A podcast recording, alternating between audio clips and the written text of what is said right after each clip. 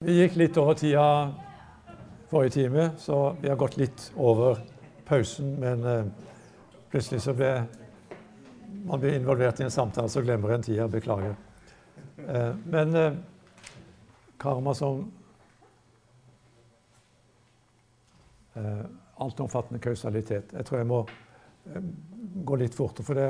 jeg vil gjerne ha tid til å si litt om, om to samtidige eh, buddhist buddhistiske ledere som utfolder noe av det jeg sier nå, i sin, eh, sin måte å handle på og leve på. Men altså eh, Hvis det er sant at alle ting er, er eh, avhengig av andre ting, at alle ting henger sammen, så betyr det jo faktisk at alt i universet henger sammen. Eh, jeg har satt noen stikkord her total interdependens.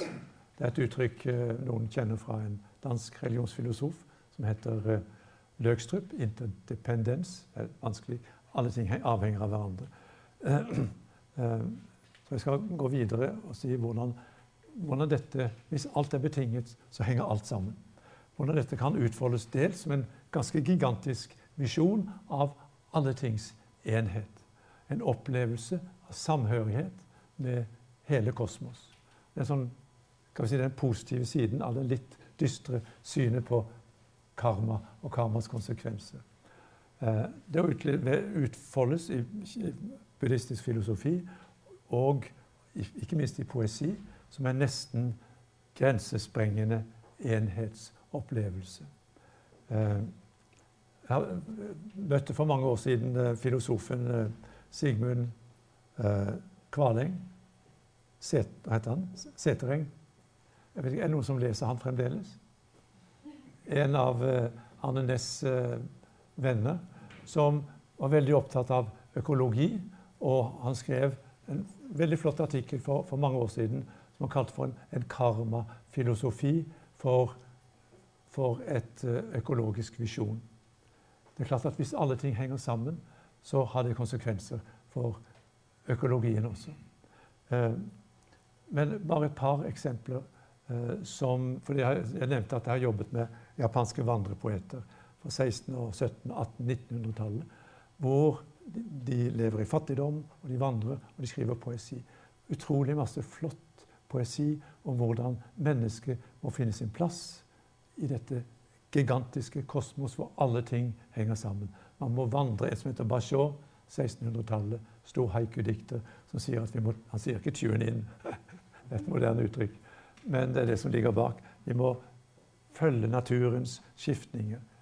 Vår, akkurat som vår, sommer, høst og vinter følger etter. Mennesket må finne sin plass. En, en sånn lykkelig, eh, lyrisk beskrivelse av at alt henger sammen. Eh, en som heter Issa, eh, 1700-tallet, eh, som sier at hele kosmos Issa betyr én kopp te. Det er navnet han tok. Én kopp te. Hele kosmos samles i én kopp te. Litt poetisk måte for å si at alle ting henger sammen. Eller Dyokan, en buddhistisk fransiskus-skikkelse. Vet du hvem Fransiskus er? Gjør det det? Frans av Assisi. Eh, en buddhistisk fransiskus-skikkelse som for, for, forlot klosteret, orket ikke disiplinen der, levde i ekstrem fattigdom og vandret og skrev poesi. Elsket å leke med barn. Han, eh, en enorm raushet. Han delte raust, selv om han nesten ikke hadde noen ting. Eh, han har skrevet masse dikt, og han skriver et, et nydelig dikt. Jeg forsøkte å, å, få frem et bilde, men jeg hadde ikke på her. Han, et, et bilde hvor han eh, ser seg selv sitter der omgitt av barn, og så har en som, som munk, som, selv som fattig munk, har han enorm, enormt store ermer. Så skriver han et dikt med dette om bare mine ermer, farget sort som denne drakt, hadde vært litt videre, ville jeg gitt ly og vern til alle verdens fattige. Hvis bare ermen hadde vært vide nok, så ville han ha favnet alt, alle fattige, og forkomne. Og så sier han samtidig, da bruker han han, han, skriver ofte flere dikt med, med, samme tematikk. Og så skriver han et tilsvarende dikt som jeg oppdaget nå for et par uker siden, hvor han bruker samme retorikken, eller samme metaforene, om bare mine ermer, farget sort som denne drakt, hadde vært vide nok, så ville jeg ha favnet eh, høstens nakne lønnetrær. Det, det, går på naturen. En sånn gigantisk visjon at omsorgen gjelder ikke bare mennesket. Man skal favne alt fordi man er en del av alt. Jeg kunne sagt mye mer om dette. Det minner litt om daoistisk naturfilosofi, hvis det er noen som har vært borti det. Menneskets plass i kosmos, himmelen over oss, jorden under oss. Mennesket må finne sin plass. Menneskets vei mellom himmelens vei og jordens vei. Man må tune inn. Og gjenkjennelse i mye av vestlige beskrivelser av naturmystikk, enhetsopplevelse med naturen. Dette er noe vi vet om når vi står på fjellet. Plutselig opplever vi at vi vi, vi er på en eller annen måte henger sammen med alt som lever. Eller på sjøen på Sørlandet. Eh, hvor som helst, nesten. Så denne buddhistiske, filosofiske, grunnleggende visjonen av at alt er betinget, kan gi denne fantastiske visjonen av at alt henger sammen. Um, og det Spørsmålet er jo betyr det noe for etisk refleksjon. Man kan gå ut på fjellet og ha fantastiske opplevelser av at allting henger sammen, uten at man blir et mer moralsk, eller at man får en etisk forståelse av kosmos. Men slik det utfoldes videre i buddhistisk refleksjon på disse punktene, så kan det utvikles også som en solidarisk visjon. For hvis det er sant at alt henger sammen, så betyr det at de mislykkedes liv henger, og de vellykkedes liv er vevet så tett sammen at de ikke kan skilles. De er forbundet også med de ulykkelige. Jordens fordømte er med tusen bånd knyttet til jordens velsignede. Og, og, dette får den konsekvens da i denne mahayana-buddhistiske tenkningen at egentlig er det jo en egoistisk drøm å skulle bli munk for å få sinnsro og trekke seg tilbake og gå inn i en slags nirvanisk harmoni. Man kan jo ikke søke Man kan ikke skilles, man kan ikke kutte båndene til de nedtråkkede fordi man er forbundet. Det er ingenting som kan skjære bort de båndene. Og løsningen er å snu det på hodet og si at ok, men hvis det er sant at vi er forbundet, så må vi jo faktisk istedenfor å søke nirvanas harmoni et eller annet, sant, eh, et eller annet sted beyond, så må vi heller vende tilbake til verden og være sammen med de nedtråkkede og veilede, hjelpe alle til. For det fins ingen frelse for den enkelte hvis det ikke er frelse og forløsning for alt som lever. Fordi alt henger sammen. Så er det poenget. Ikke ut av verden, men tilbake til verden. Og Der dukker det opp eh, også i Mahayana, altså den østlige buddhismen, en ganske tydelig kritikk av Theravada-tradisjonen. Eh, altså ofte kalt fra Mahayana-perspektiv. Mahayana betyr den store vogn, den store farkosten. De kaller Theravada, altså Sri Lanka, Burma osv., for den lille vognen. Den er for liten. Det er enkeltmennesket, det er munken som skal nå oppvåkning, og munken som skal nå oppvåkning og gå inn i et paradisisk eller nirvanisk harmoni. Eh, å være virkelig munk er å vende tilbake til denne verden. Hinayana blir forfrelst. Ja, eh, så det er i Mahayana en mye større potensial for vendt mot alt liv. Så munkeidealet med arhaten, det er munken som når oppvåkningen og trekker seg tilbake. Et fjernt tempel. Idealet av bodhisattvaen. Eh, munken som ikke søker sin egen frelse, men gir avkall på nirvana for å frelse alt liv. Eh, jeg vil se Jeg tror ikke jeg har fått det på her, men bodhisattva betyr rent som direkte oversatt et bodhi-vesen. Altså et bodhi betyr innsikt. En som har innsikt, eller søker innsikt. Så Buddha ble kalt for en bodhisattva da han søkte innsikt. Ethvert menneske som søker innsikt, er en bodhisattva, en som søker innsikt. Men eh, der har vi det. Eh, slik det utfoldes i Mahayana, så er det stikkord for en som har nådd innsikten, men som blir igjen i denne verden, i samsara, i kretsløpet, for å hjelpe andre. Og Det utfoldes eh, på utrolig mange forskjellige måter. En masse fortellinger om Buddhas liv, hvor han beskrives som bodhisattva. Jataka-fortellingene, fortellinger, sånn mytologiske fortellinger om Buddhas tidligere liv. Mange vakre anekdoter om f.eks. tigeren, eh, en, en buddha i tidligere liv, som ga sitt liv for å gi mat til en, en sulten tiger. Ganske dramatisk. Eller f.eks. en apekonge.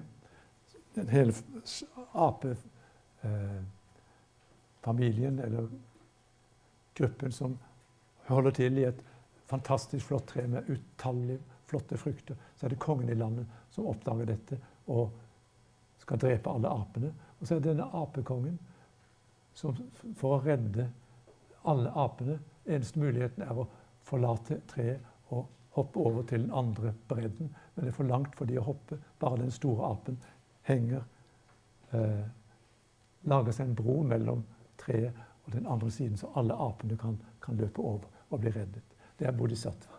En som gir sitt liv for å redde de andre. Eh, metaforer for, for dette.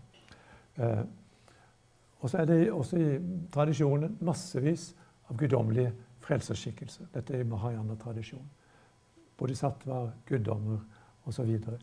Vakre fortellinger om eh, frelserskikkelser med et barmhjertig blikk som strekker ut hånden. Vi skal se på noen få bilder etterpå. Og i folkelige fortellinger og legender om store mestere. Og det er faktisk vakre beretninger om mestere som, som gir seg selv for andre.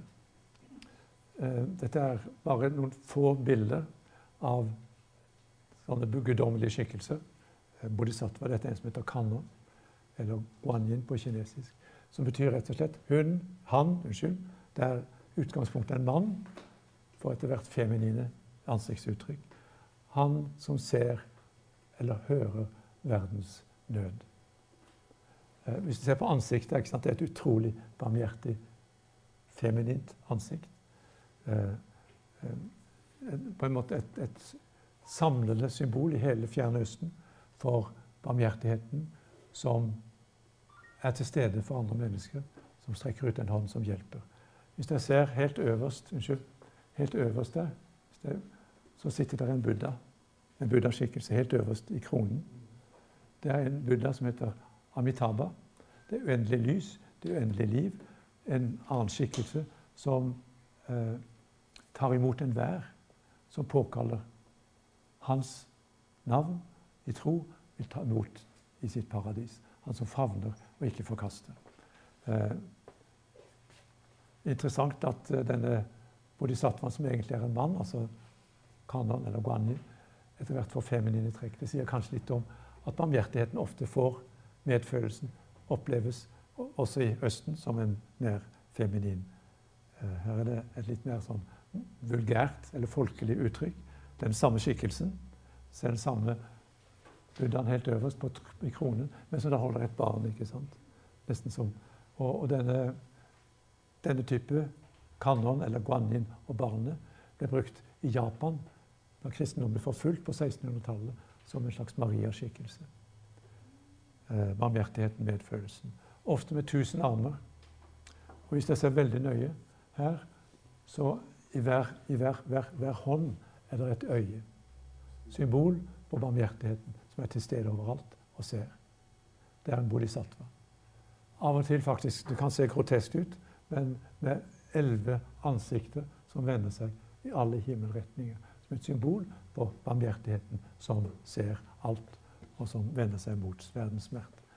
Dette hadde jeg sett allerede. Jeg tror jeg nevnte det første gang, eller forrige gang. En ganske interessant buddhaskikkelse som bryter alle tradisjonelle ikonografiske regler. Men det er altså en buddha som, som snur seg. En bitte liten skikkelse som et symbol. Hvorfor snur han seg? Jo, han hører smerte. Vender seg for å se, for å hjelpe. Ja? Mange buddhister vil si at Jesus var en bodhisattva.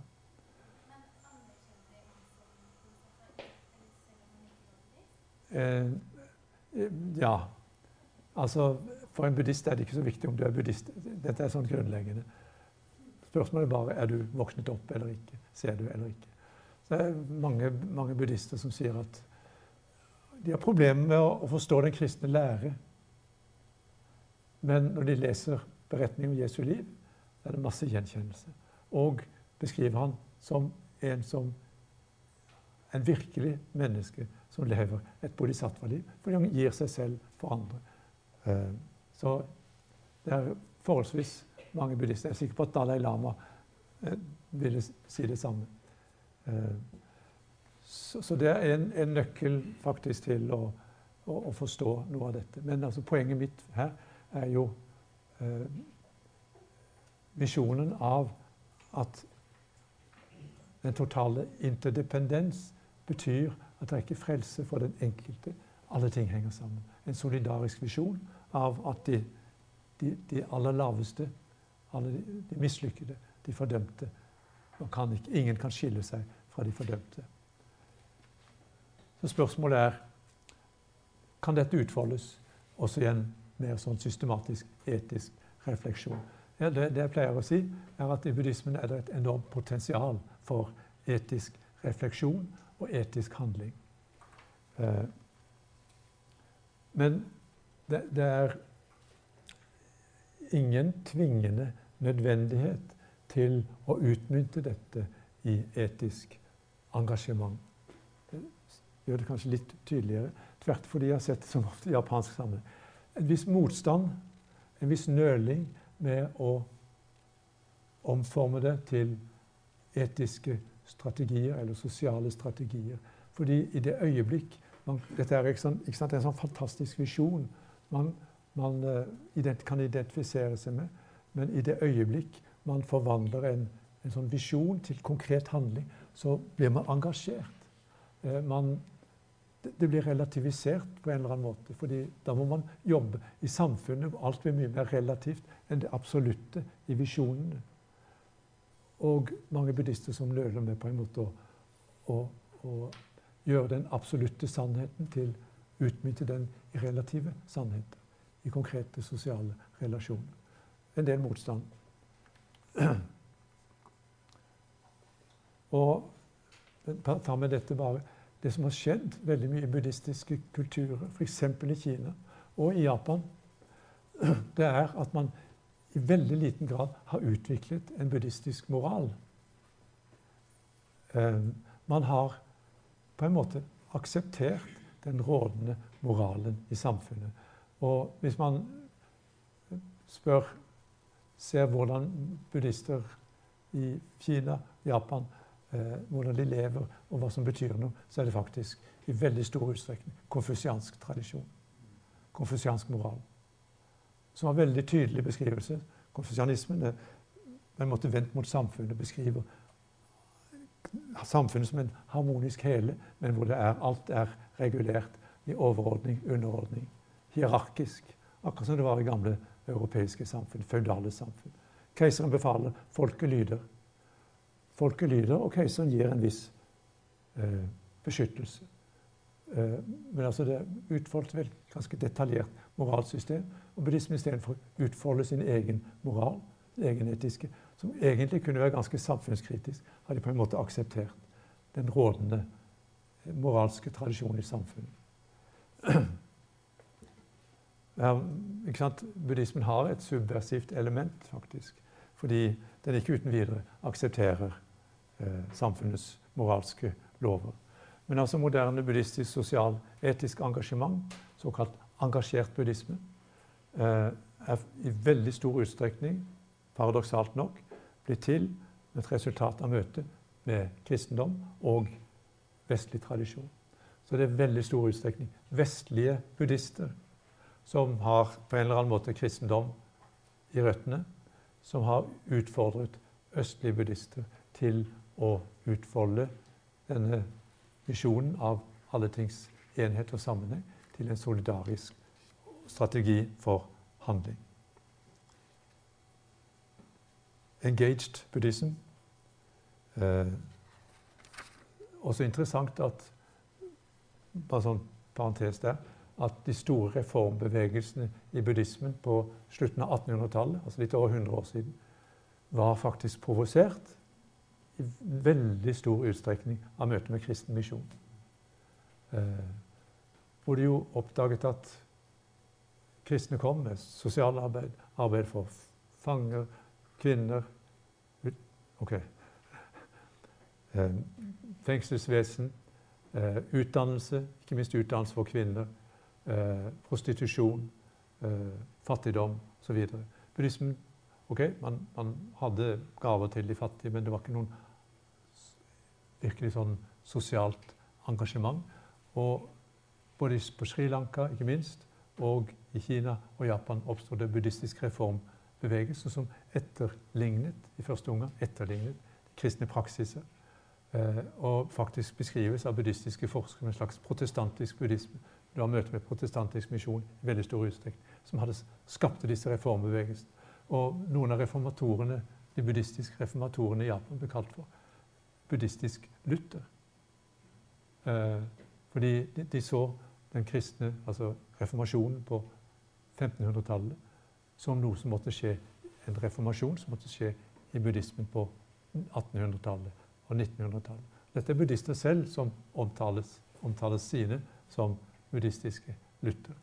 Eh, så i stor utstrekning møte med, med Vesten som har, har, utfordret dette.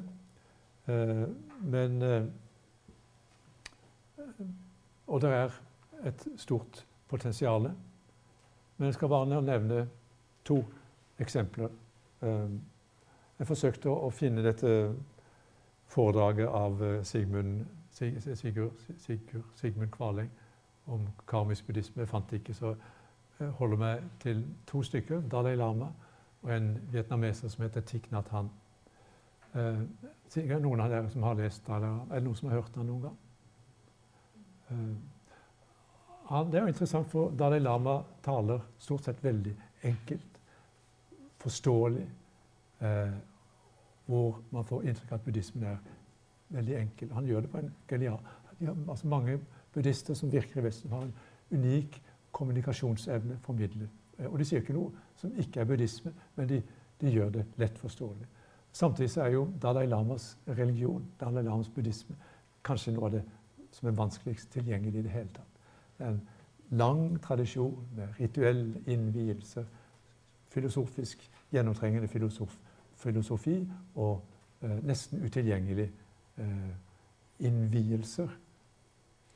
Men altså evne til å tale enkelt. Og da taler han stort sett om de grunnleggende tingene.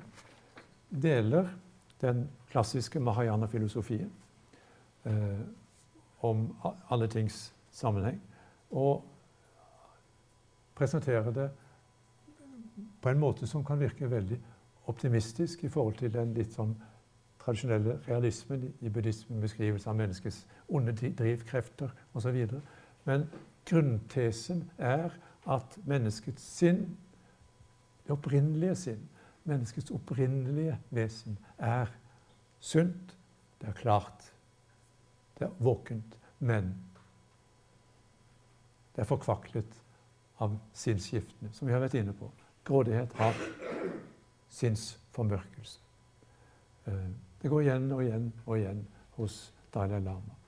Menneskets sinn er opprinnelig klart. ok? Har ikke menneskets sinn eksistert hele tiden? Jo. Hvordan kan det da være noe opprinnelig? Nei, det er på en måte ditt opprinnelig Altså det, det, er, det, er, på en måte Jeg tror vi må lese oss som metaforer om noe som er det selve opprinnelige i mennesket, det dypeste i mennesket, er klarhet. Og Det er jo ingen syndefallsberetning i buddhistisk tradisjon. Og, og noe av, av, paradokset er jo ok, hvis det er sant at menneskets sinn opprinnelig er våkent og Buddha, har, har Buddha-natur, hvorfor i all verden har vi det ikke? ikke sant? Hvorfor i all verden drives vi av disse drivkreftene? Hvorfor er vi så forkvaklet?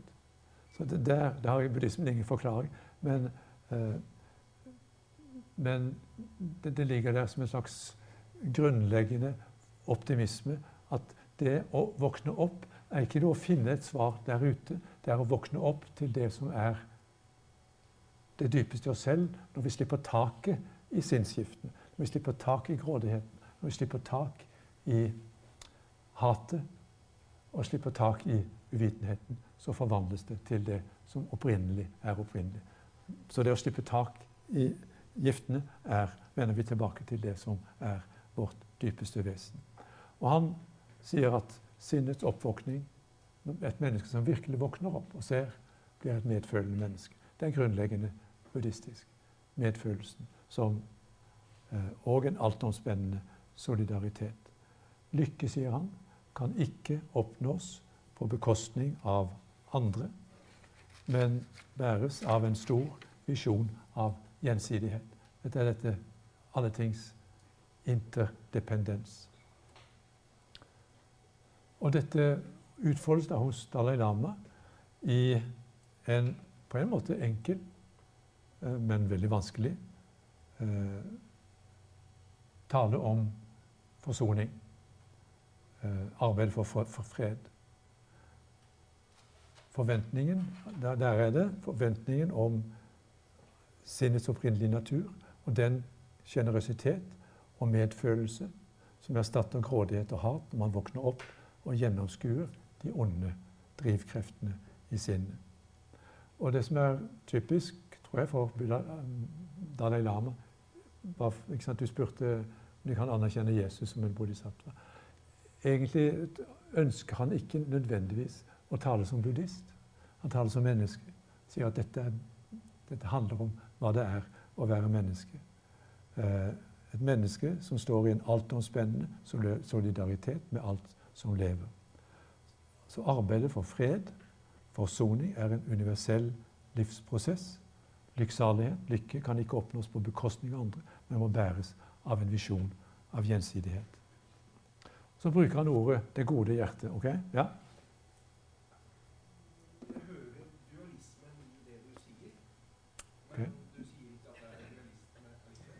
Jeg tror ikke, en, en, tror ikke han ville si at Det Ja. Ja. ja. OK. En buddhist vil aldri akseptere ordet dualisme, men vil si at de, disse drivkreftene, som vi ofte kaller for onde, som de ofte er uh, usunne uh, Altså de, de, de, fører til onde resultater. Men det er, også, det, det er også mennesker. Men ikke noe sånn absoluttering av det gode og det onde. Det er nesten umulig å finne. Fordi alt er relatert. Og ondt og, ondt og godt henger sammen i buddhistisk tradisjon. Det er sånn grunnleggende tenk som gjør det ganske komplisert. Det er mye lettere å si at dette er godt, og dette er ondt. Eh, men eh, det er en, en iallfall reflekterte buddhister vil avvise enhver tanke, påstand om at de er dualister. Tvert imot. Alt henger sammen. Eh, og Det gode hjertet sier Da har han skrevet en bok som heter Det gode hjertet. Eh, hva er hjertet? Er det, er det hjertet, følelsene, eller er det altså sinnet Sitter sinnet her eller her? Eh, på kinesisk ordet, Tegnet for hjerte og sinn er det samme. Så det kan gå på dette mer emosjonelle, det kan gå på det intellektuelle. Men det er en mye større helhet.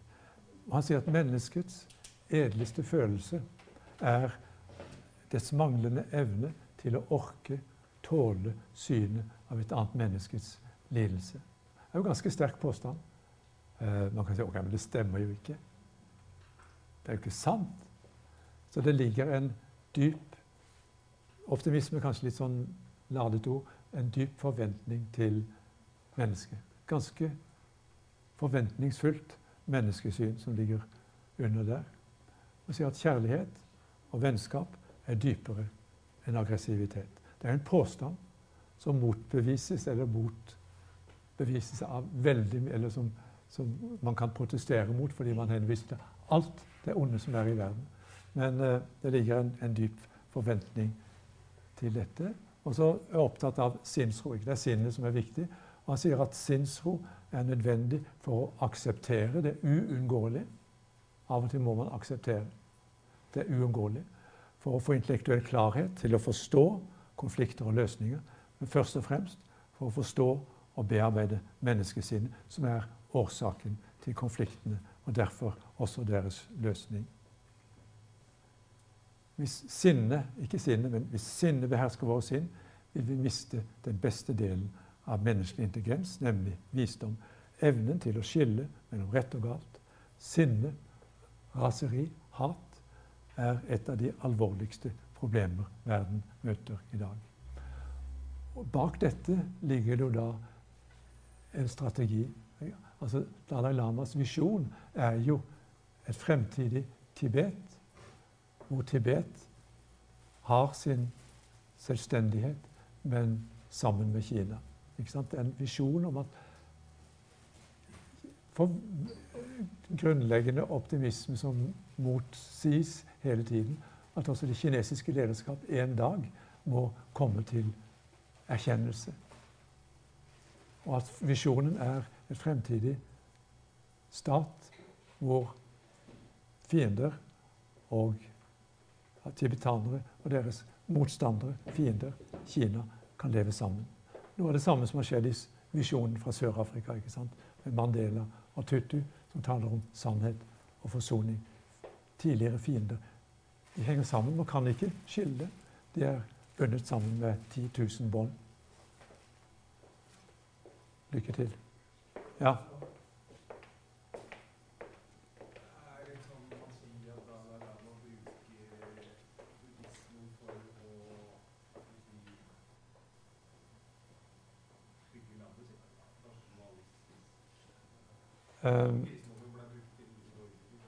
Jeg, jeg, tror ikke Han er ikke interessert i å skape nasjonalisme, tror jeg. Men altså verdighet. Vel, verdighet. Verdighet. Uh, om han, bruker, altså han, han, er buddhist, han lever i en buddhistisk tradisjon. Det er klart han, han utfolder sin visjon med buddhistisk tenkning og retorikk osv. Det gjør han helt sikkert. Helt opplagt. Men det er jo en Eh, det er samtidig en, en visjon hvor han faktisk må gi avkall på nasjonalismen. Avkall på et, et selvstendig Tibet, et sterkt Tibet ikke sant, som skal stå uavhengig av Kina. Han ser for seg en fremtid der man strekker hånden ut til de kinesiske lederne og finner en løsning sammen, men hvor Tibet beholder sin verdighet. Og også religionen sin verdighet. Ja.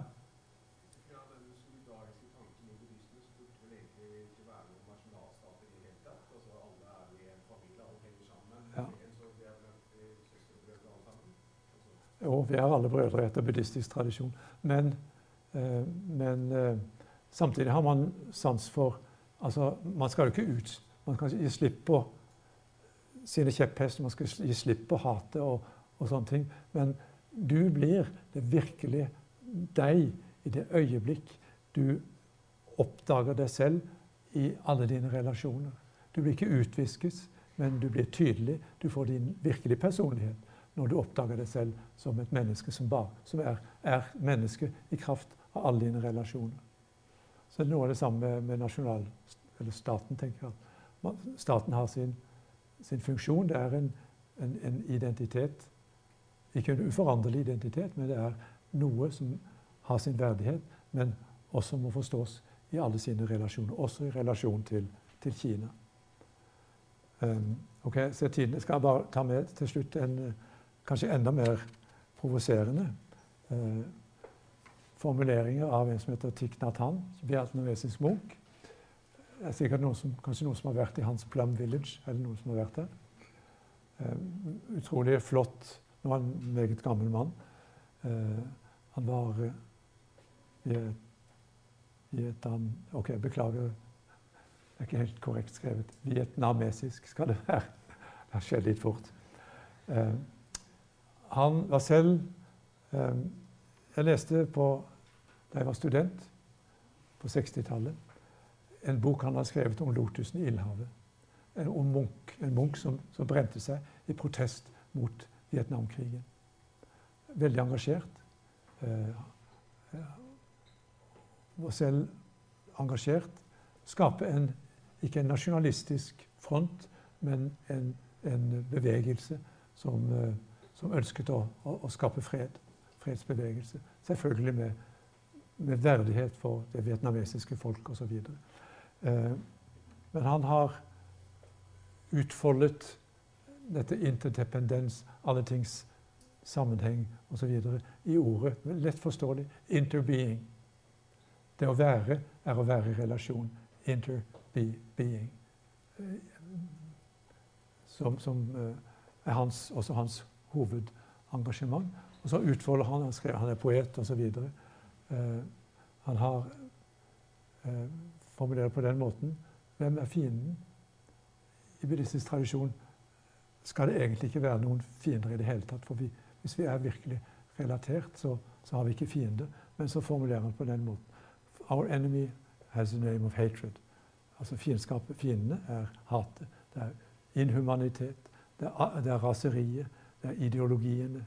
Det er frihetens maske. Det er kledd i løgner. Fienden er de tomme ordene. Forsøket på å splitte oss. Our enemy is not man. Det er ikke menneske. Men hvis vi dreper mennesket, hvem skal vi så leve sammen med? En sånn poetisk presisjon, eh, forsøk på å si at fiendene er det som er inni oss, det vi skaper.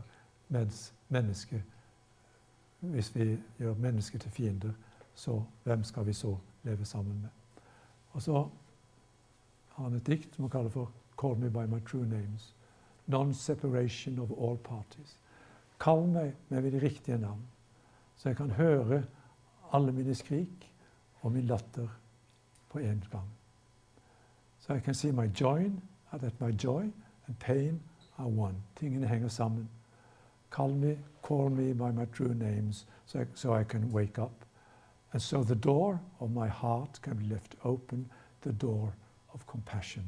Og så kommer han med noe ganske provoserende. De kaller meg med mine sanne navn. Jeg er frosken som svømmer lykkelig i den lille dammen, i den klare dammen. Jeg er også gresslangen som nærmer seg stille og sluker frosken. Jeg er barnet i Uganda. Sulten med skinn og ben. Eh, bena tynne som bambus Eh. Og jeg er våpenforhandleren som selger våpen til Uganda. Jeg er den tolv år gamle, gamle piken som flykter med familien på en liten båt, som kaster seg i havet etter å ha blitt voldtatt av en pirat. Og jeg er piraten. My heart not yet capable of seeing and loving ganske provoserende. Så han sier ikke bare 'I am Charlie'. Ikke sant? Vi har det fra Paris, og det var massevis på nett. 'I am Charlie'. Identifiserer oss med offeret. Han sier 'Jeg er også terroristen som dreper'. Hva er det han sier? Hva er det han forsøker å si? Ikke at terroristen er akseptabel, men han et forsøk på å si noe om at tingene henger sammen. Kanskje han sier i visse omstendigheter kunne kanskje jeg også ha vært terroristen eller eh, piraten eller det. Vi er nødt til, sier han, å ta med begge deler, for ting henger sammen. Og vi må utfolde dette i en eh, visjon, ikke bare en visjon, men kanskje en strategi. Problemet er eller Utfordringen som han forsøker, da, er å komme ned fra disse store poetiske visjonene Vanskeligheten er å komme ned til selve grunnlaget. Hva gjør vi så? Hva med rettferdighet? Det må jo være et oppgjør. Det må være Hva med jussen? Jussen i, i domstolen må noen dømmes, og noen frikjennes. Jussen sier ikke, kan ikke ta hensyn til at overgriperen selv har vært overgrepet. Selv er et offer. Men jussen må på en måte gå inn i realitetene og relativisere det. Men visjonen som ligger bak, er en forståelse for at selv det verste mennesket og det beste mennesket henger sammen. Du hadde en kommentar? Jeg ser at tiden er gått, men uh, um, ta, ta, det med dere i deres egen refleksjon.